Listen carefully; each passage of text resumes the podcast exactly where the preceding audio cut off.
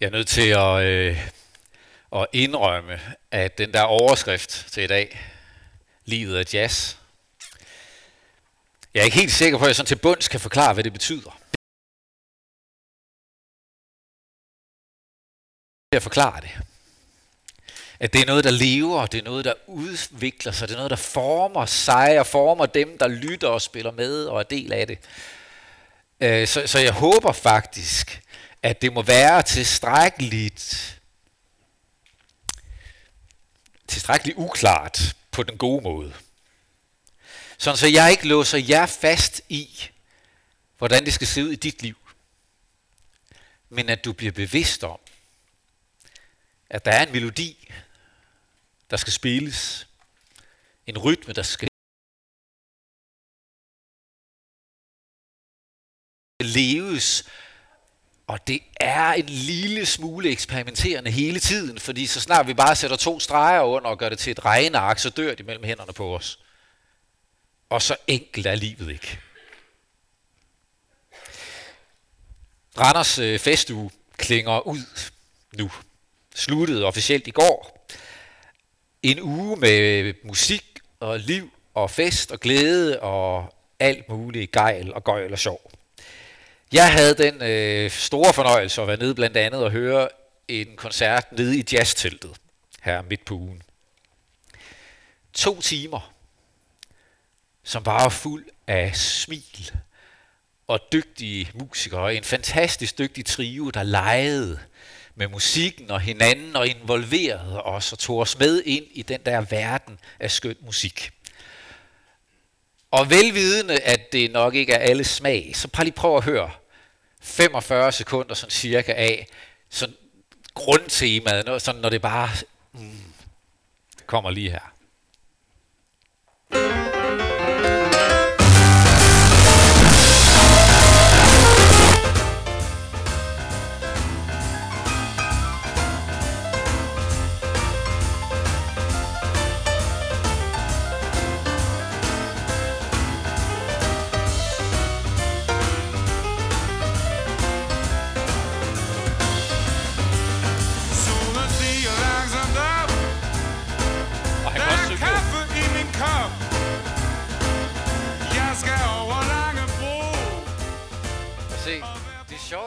Hold holde fast i følelsen, du har lige nu, for den bliver aktuel lige om lidt. For nogle af jer sidder og har svært ved at holde det hele i ro, og andre de tænker, at vores præst har ingen smag. Bare lige hold fast i den. Efter to timer, hvor jeg konstaterede, at jeg bare sad og var helt øm i kinderne af at smile, for jeg synes bare, ej mand, hvor er de dygtige, og hvor er det her bare skønt. Og, og teltet gynger, og dansegulvet op foran er fyldt op under det sidste nummer, og, og folk klapper helt vildt, fordi de vil bare have et ekstra nummer, og de gør sig lidt kostbare, de venter rigtig længe. Altså, vi snakker ikke sådan bare lige, så der var en, der klappede, så okay, så giver vi. Nej, de gik helt ud, og de stod og ventede, og så kom de ind igen. Og så sætter de sig op, og så spiller de det her nummer.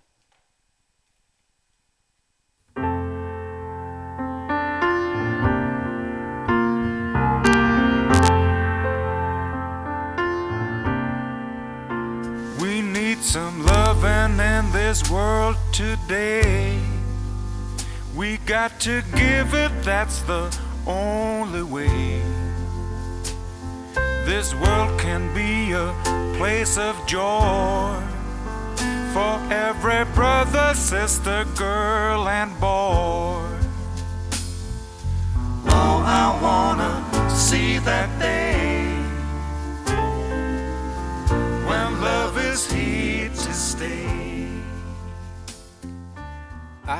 Mest rolige sang.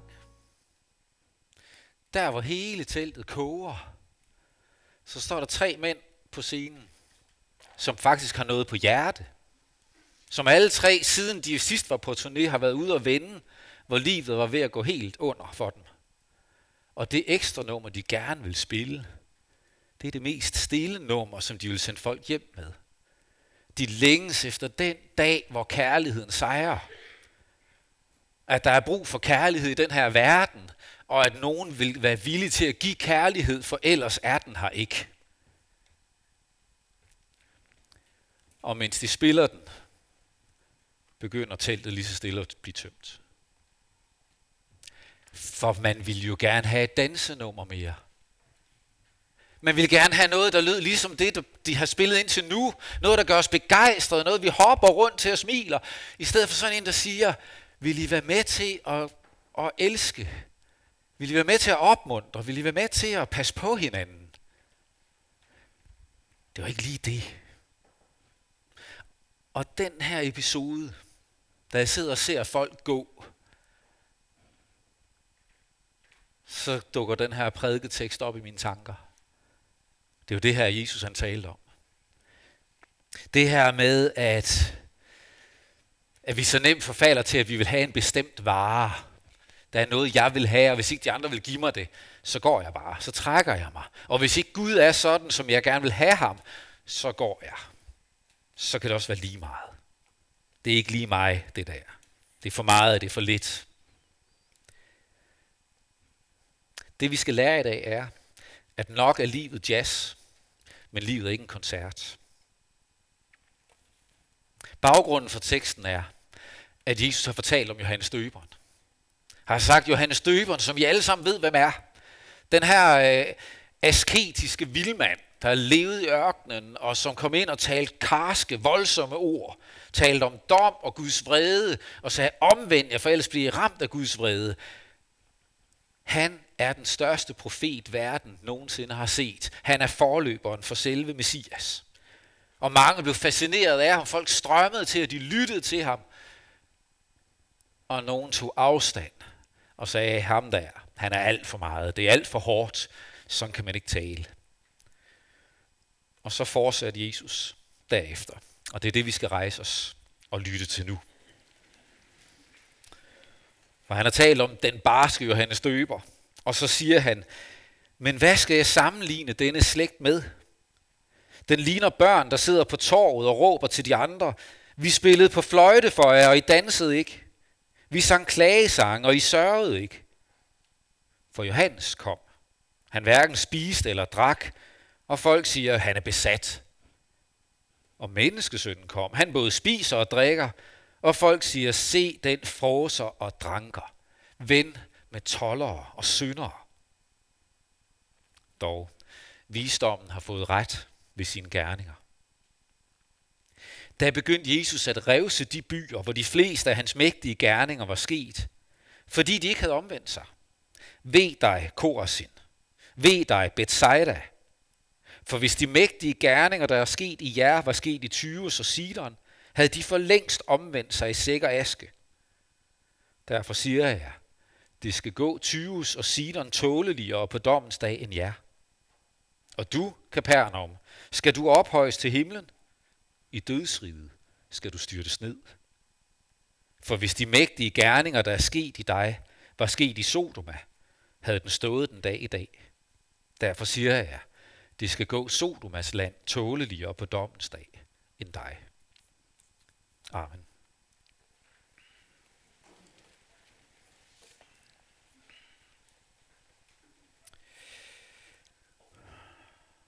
Gud, Gud, du som efter dit løfte er her med din hellige ånd,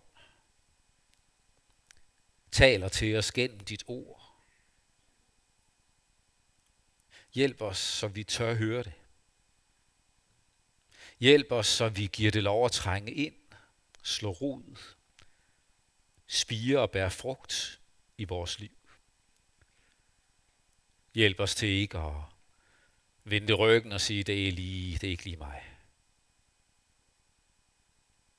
Tal til os og mind os om din sandhed, din retfærdighed, såvel som din nåde. Amen.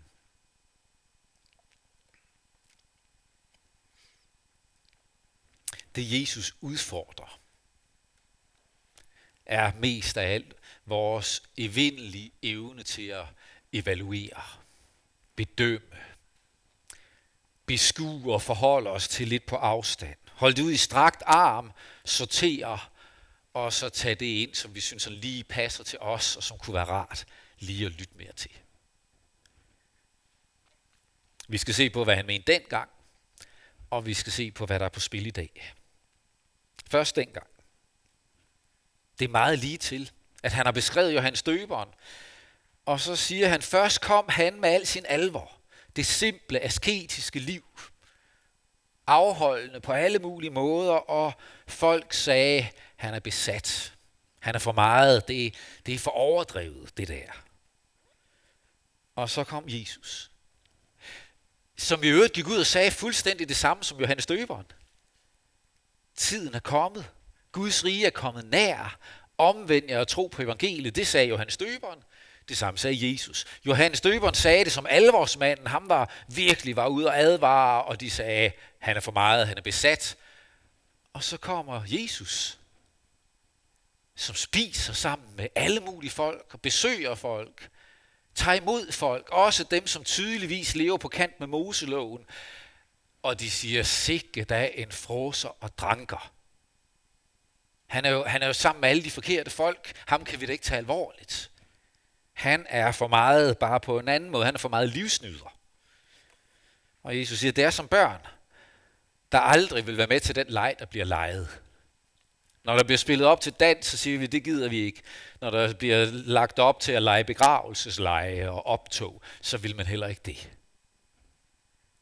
Den alvor, som de, som de kritiserede hos Johannes Døberen, efterlyste hos Jesus. Den livsglæde, som de efterlyser hos Johannes Døberen, kritiserer de Jesus for. Det er aldrig godt nok.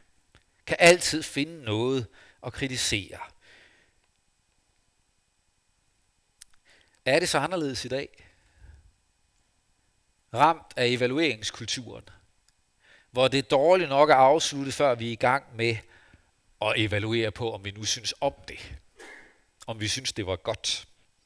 Knap en gudstjeneste forbi, før vi går og evaluerer med hinanden. Var musikken for høj? Var det lidt for lavt? Var det for vildt? Var det for kedeligt? Var prædikenen for lang? Var den for kort? Var den for kedelig? Var den for poppet? Jeg mener, han spillede jazz. Evaluering. Det kan være, at jeg tager helt fejl. Men jeg gætter på, at der måske var en enkelt eller to, der tænkte, jeg skulle ikke være taget i kirke i dag, han står og spiller jazz. Nu er alting der fuldstændig lige meget. Fordi vi skynder os, og vi bliver meget hurtigt optaget af at evaluere på formen. På alt det ydre, og så forholder vi os til det, og så bliver det en undskyldning for ikke at tage det ind, som faktisk rammer, eller som har et budskab til os, som går tæt på. Vi holder det bare ud i strakt arm. Og det gælder på så mange områder i det kristne liv, at det bliver en fristelse for os. Hvordan har du det med Bibelen? Og det at læse i Bibelen. Så er den for kedelig. Så er den for lang. Så er den for, for gammeldags. Så er den for uforståelig sådan for indspist. Ej, jeg tror sådan for barbarisk. Eller det kristne fællesskab. Man besøger en kirke og siger, ah, det er, sådan, det er lige flagrende, vildt, karismatisk, sådan lidt, det er lidt for meget hænderne op over hovedet, og uh, ej, det er ikke lige mig, men, men den anden kirke, der er det måske lidt for meget hænderne i skyd, og der sker ingenting, og det er mest nogle hætteklæde, nej, ikke hætte, hatteklæde, hætteklæde, det er en anden kirke, ikke? Nå.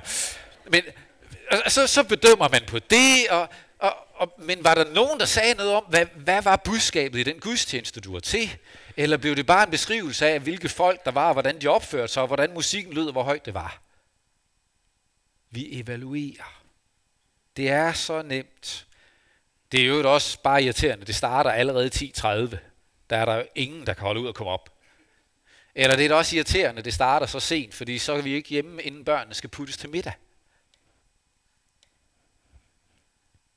Det er så nemt. Vi spillede på fløjte, så var det galt. Så prøvede vi en klagesang, så var det også galt. Eller den anden version. Når, når medierne skriver om en præst, der ikke tror på Gud, så ryster folk på hovedet og siger, det er da også for åndssvagt. Hvorfor i alverden er sådan en mand så blevet præst, så må han da finde på noget andet at lave.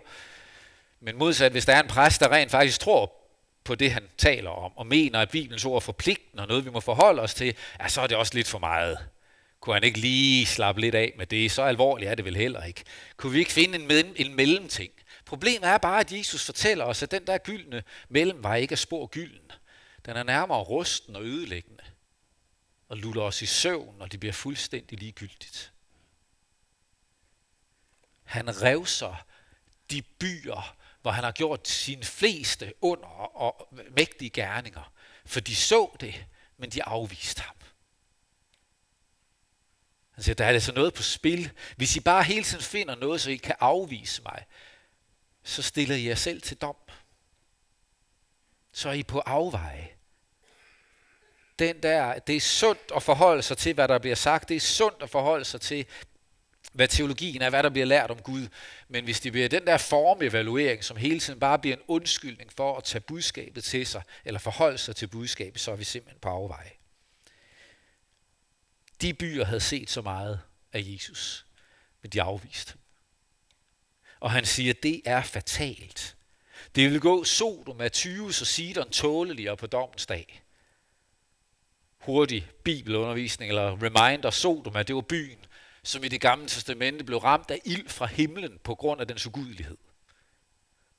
Og Jesus siger, hypotetisk tanke, hvis nu den by havde fået lov at opleve mig, som I, Kapernaum, Korsin og Bethsaida, har oplevet mig, så havde Sodom omvendt sig. De havde troet mig, men I gør ikke. Jeres dom bliver hårdere end Sodoma. Eller Tyrus og Sidon, der, det, er en, det er en by i Libanon, lidt nord for Israel. Der er hele kapitler i det gamle testamente, i flere forskellige profetskrifter. Blandt andet i Segels bog, kapitel 26, 27, 28. Tre hele kapitler, der er en lang dom over Tyrus og Sidon. Fordi det er byer, som har nok i sig selv, afviser Guds storhed og bare siger, at vi kan klare os uden ham, og er ligeglade med Gud og med Guds folk. Og han siger, tænk hvis sådan nogle byer fik lov at opleve det, I har oplevet, så havde de troet. De havde omvendt sig, de havde handlet på det. Det lærer os to ting. For det første, at Jesus i ramme alvor taler om en dommens dag. At der er en dag, hvor vi skal stå til ansvar for vores liv. Og det helt afgørende ved den dom er, hvordan forholdt du dig til Jesu ord? Hvad var din reaktion på Jesus, på hans ord og handlinger og gerninger? Og det andet, han lærer os, er, at der altså er en eller anden graduering i den dom. En graduering i takt med, at jo mere du er blevet betroet, jo mere, han har fået, jo mere du har fået lov at høre om ham, jo mere du har fået lov at opleve Jesus, jo alvorligere er det, om du tog imod eller ej. Der er en dimension der, som vi har svært ved at helt at trænge ind i. Men det er nok til, at vi ved, at vi står over for et vigtigt valg med vores liv. For Jesus lov at være Gud i vores liv? Eller skal han bare være en, der akkompagnerer vores melodi? En, der spiller med på vores sang? Eller får vi lov at spille med på hans? Hvem er det, der sætter tempo? Hvem er det, der sætter melodien? Hvem er det, der viser vejen? Er det ham, og så følger vi? Eller beder vi ham om at danse med til vores musik?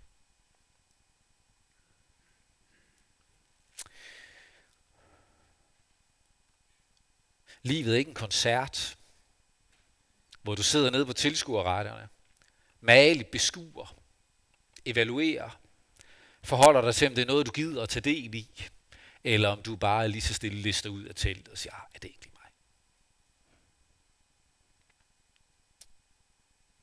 Jeg vil hellere lave min egen playliste.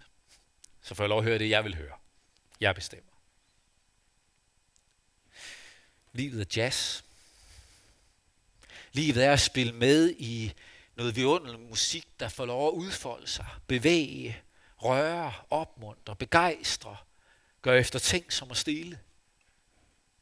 Og der er en tydelig bandleder. Der er en, en, der sætter tempoet, der er en, der sætter grundformen, og siger, det er det her, vi spiller. Det opvarmningsband, der var før trioen, I hørte lige før. Der sad trommeslageren, og han kiggede aldrig andre steder hen end på pianisten. For det var pianisten, der bestemte. Det var pianisten, der ledte. Det var pianisten, der satte tempo og sagde, hvor går vi nu hen med det her nummer? Og trommeslageren sad bare opmærksomt og spillede med. Indtil han måske lige fik et nik, som betød, nu laver du lige et eller andet. Og så tilbage til pianisten igen. det er sådan jazz er. At der er, no- der er en enighed om, hvem er det, der sætter tempoet. Hvem er det, der sætter formen, vi spiller efter. Men der bliver også givet det her fantastiske rum til at improvisere. Til at tage en tur med sine gaver og sige, ja, det kan godt være ham, der bestemmer, at han spiller klaver, men lige nu beder han mig om at spille noget rigtig fedt på bas. Og så gør jeg det. Og så giver jeg det mit bedste skud. Og han er der hele tiden med underlægningsmusikken. Og så vender jeg bare tilbage og spiller sammen med ham, eller ham tager over igen, for det er ham, der leder. Det er ham, der fortæller, hvor vi er på vej hen. Det er ham, der har budskaberne. Det er ham, der har teksterne. Det er ham, der har noget, han gerne vil have fortalt. Og jeg får lov at være med til at give det fylde. Sådan så livet og troen får lov at vidne om et liv, som er dansende og vidunderligt og glædeligt. Som indimellem er kaotisk og larmende. Men stadig er han der nedenunder med grundrytmen, med pulsslaget. Vi får lov at finde ind i hvilen der. Ham, som også lader det blive, lader livet blive poetisk, eftertænksomt, spørgende og stille. For Gud lov at være det i dit liv. Eller vil du være den, der svinger takstokken og bestemmer det hele, og så må han godt lægge lidt lækkert fylde på din livssang. Valget er dit. Han kalder dig ind og leve med sammen med ham. Når han taler alle vores ord til dig, lytter du så? For han lov at tale? for han lov for det lov at blive til mere end, ja, det er måske også rigtigt nok, så går vi hjem og glemmer alt om det igen. Eller går vi hjem og øver os i at spille med på den melodi. Så det er også rigtigt. Det der, det er simpelthen nødt til at lære. Der er noget, jeg skal hjem og øve mig på. Der er noget, jeg skal må tage til mig og give plads til at leve hos mig. Når han kalder dig til at følge Jesus og give slip på al din selvros og stolthed, og så sige, det eneste håb, jeg har, det er ham, som blev menneske og tog de små i favn og velsignede dem. Tænk, han tager også mig i favn og velsigner mig. Der er mit håb. Der er mit liv. Og hvilke grundrytmer er der i dit liv? Jeg tror ikke, at vi kan finde ud af at leve et liv med Gud, uden at have en eller anden grundrytme af bøn, en grundrytme af bibellæsning, en grundrytme af fællesskab med andre kristne. Helt basale elementer i at lytte til hans ord. I at ære ham for den han er, og fortælle ham om, hvad der fylder i mit liv, og være sammen med andre om at dele det. Har du din rytme? For livet, troen? Det er ganske meget ligesom jazz.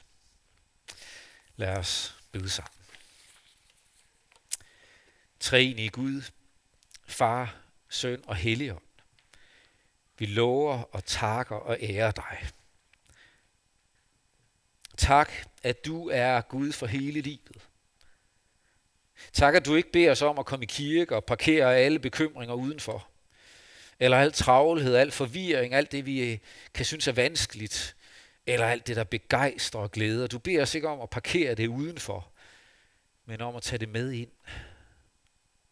Og lad det få lov at blive fagnet, retligt, korrigeret eller opmuntret hos dig. Hjælp os, så vi ikke bare lytter, som folket vi læste om i Ezekiels bog. Det er smukke ord, og det var meget interessant. Og så går vi hjem og lader som om det aldrig fandt sted. Hvis du har prikket til noget hos os i dag, det du har prikket til hos os, lad os tage det til os. Lad det få lov at slå rod og blive til liv i os. Ja, himmelske far, vi beder om, at det må være sådan. Du lidt efter lidt præger din kirke. Ikke bare her hos os, men også enhver, der bærer navn af kirke i vores by, vores land og ud over verden. At din puls, din melodi, din kærlighedserklæring, din hellighed, din retfærdighed får lov at præge os. Og at vi må være ambassadører for dit rige og spille med have modet til at spille med der hvor du har sat os. Vi beder særligt for din kirke, der hvor den er ramt af forfølgelse. Lad dit ord og din ånd være til styrke og trøst, og hjælp os til at være trofaste i både forbøn og støtte. Vi beder for vores by, for byrådet, vores borgmester Torben Hansen, for børn og unge, daginstitutioner og skoler. Beder for familier og hjem i vores by. Velsign og en enhver, som venter et barn. Beskyt både dem og det ufødte barn. Bær for alle, der sidder med sorg og savn, fordi de har mistet. De, som lider under sygdom på læge eller sjæl, eller kæmper med anfægtelser og manglende livsløst. Her kom til os med din kærlighedskraft, når vi kæmper med brudte relationer eller med et slidt ægteskab. Hjælp os i det hele taget til at tage vare på det, du har betroet os, og også dit vidunderlige skaberværk. Og hjælp os til at tage vare på de mennesker, som du har sat os imellem. Hør os, når vi hver især i stillhed beder for dem, du i dag minder os om.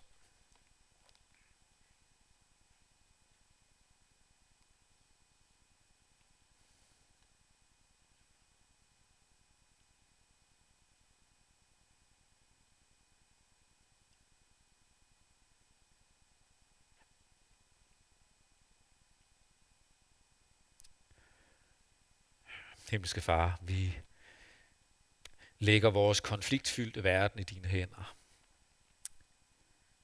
Beder om magthavere og politikere, som vil fremme freden og søge fred. Beder for din kirke i de lande, som er præget af konflikt og krig, at de må være en fredens røst, arbejde for forsoning, heling og genopbyggelse. Herre, vær nær hos alle, der lider under krigens redsler, om det er i Ukraine eller andre steder i vores verden. Det beder vi om ved din elskede søn, vor Herre Jesus Kristus. Amen.